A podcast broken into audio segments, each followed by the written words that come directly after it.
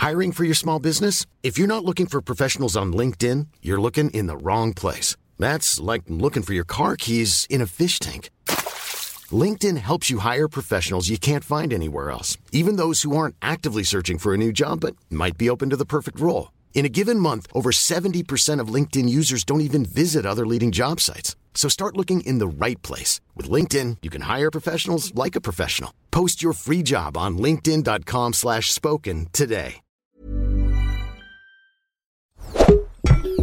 Media. Het is oorlog in Europa. Gaan we allemaal dood in een kernoorlog? Nee, ik denk het niet. Gaat deze oorlog de wereld veranderen? Dat weet ik zeker. Met deze podcast probeer ik grip te krijgen op de oorlog. Elke dag houd ik je hier op de hoogte van de situatie in Oekraïne en Rusland. Ja, vandaag is het 20 april, geboortedag van Adolf Hitler. Als je op zijn Wikipedia-pagina kijkt, zie je hem uh, als baby op een foto. Ziet er best lief uit, want elke dictator begint natuurlijk als een lief kind. Toen ik uh, studeerde aan de Staatsuniversiteit van Moskou, werd buitenlandse studenten afkomstig uit Afrikaanse landen uh, gevraagd om die dag niet naar buiten te gaan, op de verjaardag van Hitler. Want op die dag zijn skinheads in Rusland actiever in het in elkaar slaan en uh, vermoorden van buitenlanders. Om die verjaardag dus te vieren. En dat is natuurlijk een beetje de ironie van deze oorlog: dat Rusland vecht in Oekraïne tegen niet bestaande naties. Terwijl Rusland in rap tempo verandert in een fascistisch land. Goed, we gaan naar dag 56 van de oorlog. Als gisteren inderdaad de slag om de Donbass is begonnen, gaat het voorlopig moeizaam voor de Russen. De Oekraïners hebben de meeste aanvallen afgeslagen.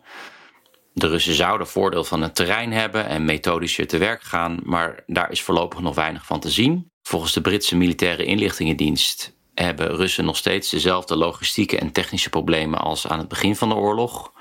Net als ook problemen met de omgeving. Lees, ze zitten weer vast in de modder en apparatuur gaat snel stuk en ze trekken weer op zonder duidelijk plan. Ik moet een beetje denken aan de in Rusland zeer populaire uitspraak van uh, Viktor Chernomyrdin. Dat was de premier van Rusland in de jaren 90. En die zei: We wilden beter worden, maar alles liep zoals altijd in de soep. Ja, hij is een beetje een soort van kruif van Rusland qua gevleugelde en soms onbegrijpelijke uitspraken. Uh, er is zelfs een woord voor die uitspraken van hem.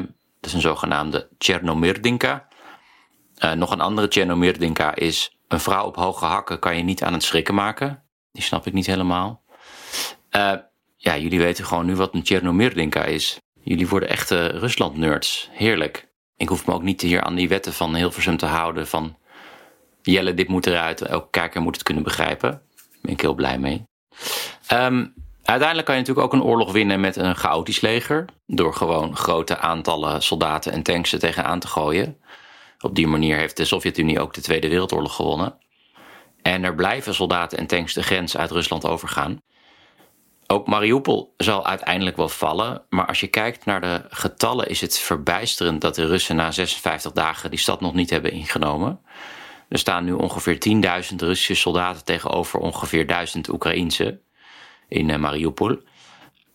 En als die stad valt, dan kunnen die 10.000 Russische soldaten richting de Donbass. En wordt het voor Oekraïne nog lastiger om de Russen tegen te houden. Overigens, die aantallen aan Russische zijde moet je een beetje met een korreltje zout nemen. Want er wordt geteld in bataljons en daar horen tussen de 600 en 800 soldaten in te zitten. Maar in werkelijkheid is het aantal soldaten in een bataljon vaak kleiner. Want commandanten krijgen per soldaat betaald. En uh, ja, die verzinnen gewoon een ander aantal en steken het verschil dan in eigen zak. Oké, gaan we nu door naar de Russische media. Ja, een drama in de dierentuin van Kharkiv in het oosten van Oekraïne. Uh, dit bericht is veel gedeeld op de telegramkanalen in Oekraïne, maar ook in Rusland. Um, de dierentuin lag wekenlang in de frontlinie. En twee medewerkers van de dierentuin waren al een maand vermist. Maar de hoop was dat die mensen waren gevlucht en zich ergens hadden verstopt. Maar gisteren zijn hun lichamen gevonden in de dierentuin met schotwonden in het hoofd. Uh, deze dierentuin, Veldman Ecopark, werd al wekenlang beschoten. En door de beschietingen waren al veel omheiningen vernietigd. Dus de leeuwen en de tijgers die hebben ze in moeten laten slapen omdat het een ja, gevaar voor de buurt zou zijn. Ze konden zo naar buiten lopen. En de minder gevaarlijke dieren werden onder levensgevaarlijke omstandigheden langs het front uh, geëvacueerd. Uh, er zijn ook hele bekende beelden van een auto vol met kangoeroes. En diezelfde chauffeur die is toen teruggereden voor het evacueren van drie tapirs. Daar is ook een video van. En ik word dus altijd vrolijk van dit filmpje. Ik zit uh, voor deze podcast vaak op die telegramkanalen waar echt alles ongefilterd binnenkomt. Dode kinderen, verminkte soldaten, alles. En dan denk ik soms, kom, ik ga even naar de tapirs kijken. Ik zal een link in de show notes zetten. Want misschien hebben jullie soms ook wel behoefte aan een tapier. Um, in mijn podcast besteed ik veel aandacht aan het verzet van de gewone Rus. Wat nog steeds te weinig gebeurt, maar goed. Uh, maar er zijn ook bekende Russen die zich uitspreken. Natuurlijk Russen die naar het buitenland zijn gevlucht. Maar sommige oligarchen spreken zich ook uit. Zoals de miljardair Alek Tinkov, oprichter van de Tinkoff Bank. Leuk detail trouwens, in 2011 schreef Tinkoff, toen hij een geschat vermogen had van 8 miljard, de autobiografie Ik ben net als iedereen. Um, die Tinkoff staat op de sanctielijst van Groot-Brittannië. En gisteren postte hij op Instagram een vlammend betoog tegen de oorlog. Het is ook veel gedeeld en besproken gisteren op de Russische media. En dan denk je, huh, Instagram, dat is toch geblokkeerd in Rusland? Ja, dat klopt. Het is een uh, extremistische organisatie, net als Facebook. Um, maar het is uh, vrij makkelijk te omzeilen met een VPN-verbinding. En Russen hebben massaal een VPN-verbinding genomen de laatste tijd.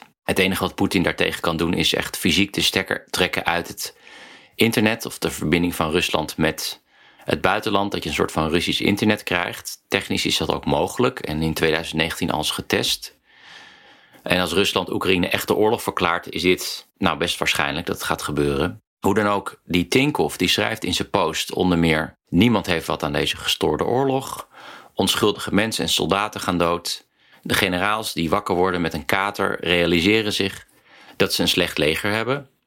En hoe kan het leger ook goed zijn als alles in Rusland stront is en vastzit in nepotisme en slaafsheid? In diezelfde post zegt Tinkoff dat 90% van de Russen tegen de oorlog is, zonder zich ergens op te baseren overigens. Nou, deze post gaat natuurlijk wel gevolgen hebben voor Tinkoff. Ik vind het heel interessant wat Kremlin nu gaat ondernemen tegen hem. En ik denk dat andere oligarchen ook met veel interesse meekijken. Oké, en dan nog dit.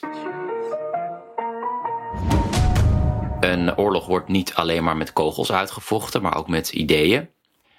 Rusland en Oekraïne kijken allebei op een andere manier naar hun Sovjetgeschiedenis. Voor Rusland is het Sovjetverleden iets waar ze trots op zijn. Terwijl voor Oekraïners de Sovjettijd een periode is dat ze zijn onderdrukt in hun Oekraïnse identiteit. En dat verschil in perspectief zie je nu ook in de strijd. Um, er zijn standbeelden die zijn neergezet voor de Oekraïense dichter Taras Shevchenko. En die zijn vernietigd door de Russen in deze oorlog. Shevchenko is een beetje de volksheld van de Oekraïners. Verder werd gisteren een enorme Sovjetvlag gehezen in de Oekraïnse stad Gerson, die op dit moment in Russische handen is. Dat is ook een beetje een herinnering voor ons. Stopt het eigenlijk wel bij de Oekraïne? Wie zegt dat Russen niet de hele Sovjet-Unie terug willen? Maar dat terzijde. Even verderop in de stad uh, Genichesk, vlakbij Gerson, hebben Russen een standbeeld van Lenin teruggezet. Uh, die was in 2015 van zijn sokkel gehaald door de Oekraïners. Kennelijk is het dus een soort van opslagplaats voor omgevallen Lenins. Lijkt me dus ook heel grappig. Het terugzetten van dat Lenin-standbeeld is op meerdere manieren absurd. Uh, vooral omdat Poetin vlak voor de invasie Lenin juist de schuld gaf van het bestaan van Oekraïne. Dat land zou uh, ja, volgens Poetin in ieder geval door Lenin kunstmatig zijn uh, gecreëerd. In Rusland overigens staat het Lenin-standbeeld nog steeds op de meeste plekken, in de meeste dorpen en steden. De hoofdstraat is nog steeds vaak de Leninstraat. Sterker nog, de afgelopen jaren zijn er ook standbeelden van Stalin weer neergezet ja, over dat selectieve geheugen van Russen met Stalin en de gevaren die dat oplevert, moet ik het ook nog maar eens hebben. Intussen hebben de Oekraïners aan hun kant in Kharkov uh, een standbeeld van generaal Zhukov omvergetrokken. Zhukov is een van de grootste generaals van het Rode Leger tijdens de Tweede Wereldoorlog. Eigenlijk een redelijk onomstreden uh, persoon. Maar de oorzaak is dat de Oekraïners alle beelden van Lenin al omver hebben getrokken in de afgelopen jaren. De enige twee overgebleven beelden staan in Tsjernobyl. Um, en dat komt door de wet op de decommunisatie. Die heeft bepaald dat alles wat verwijst naar het Sovjetverleden verwijderd moet worden. Zo zijn in Oekraïne in de afgelopen jaren 50.000 straten van naam veranderd. Um, overal worden hamers en sikkels ook verwijderd. Maar het gaat best ver. In de show notes zet ik een aflevering van Grensland waar ik op stap ben met een architect die tegen het verwijderen van prachtige mozaïeken in de metro van Kiev is. Uh, die mozaïeken zijn gemaakt in de Sovjet-tijd en dat is dus genoeg reden om ze te verwijderen. Maar goed, dat is dus uiteindelijk wat op spel staat in deze oorlog. Um, gaat Rusland en misschien ook Oekraïne doorleven in een soort van spook van de Sovjet-Unie, waar Rusland al 30 jaar in vastzit? Uh, nog een Tjerdomyrdinka trouwens voor jullie. Uh, wat voor partij we ook oprichten, uiteindelijk wordt het toch weer een communistische partij. Nog zo'n mooi citaat. Of probeert Oekraïne en misschien straks ook Rusland een nieuwe identiteit te ontdekken. Iets wat Oekraïne al sinds 2005 uh, probeert. Dat was het voor vandaag. Advertenties voor deze podcast beginnen een beetje te lopen. Maar bedrijven kunnen nog steeds mailen naar adverteren apenstaartje tonnymedia.nl. Tony is met een Y. Tot morgen.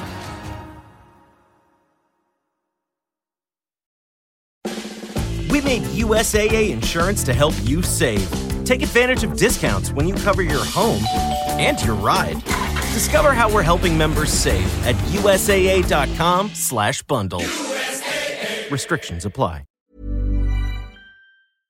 Hello, this is Danny Pellegrino, host of the Everything Iconic podcast, and I'm here to tell you all about Splash Refresher because hydration is mandatory, but boring is not. Now, I love my water, but if I don't spice it up, I'm not going to finish what I took out of the fridge. That's why I love my Splash Refresher, which is flavorful, delicious, bright, hydrating, and zero calories. The wild berry flavor is my fave. No, wait, is the pineapple mango flavor my fave? You know what? All five craveable splash refresher flavors are my fave because they're so delicious. So get hydrated and enjoy it with Splash Refresher.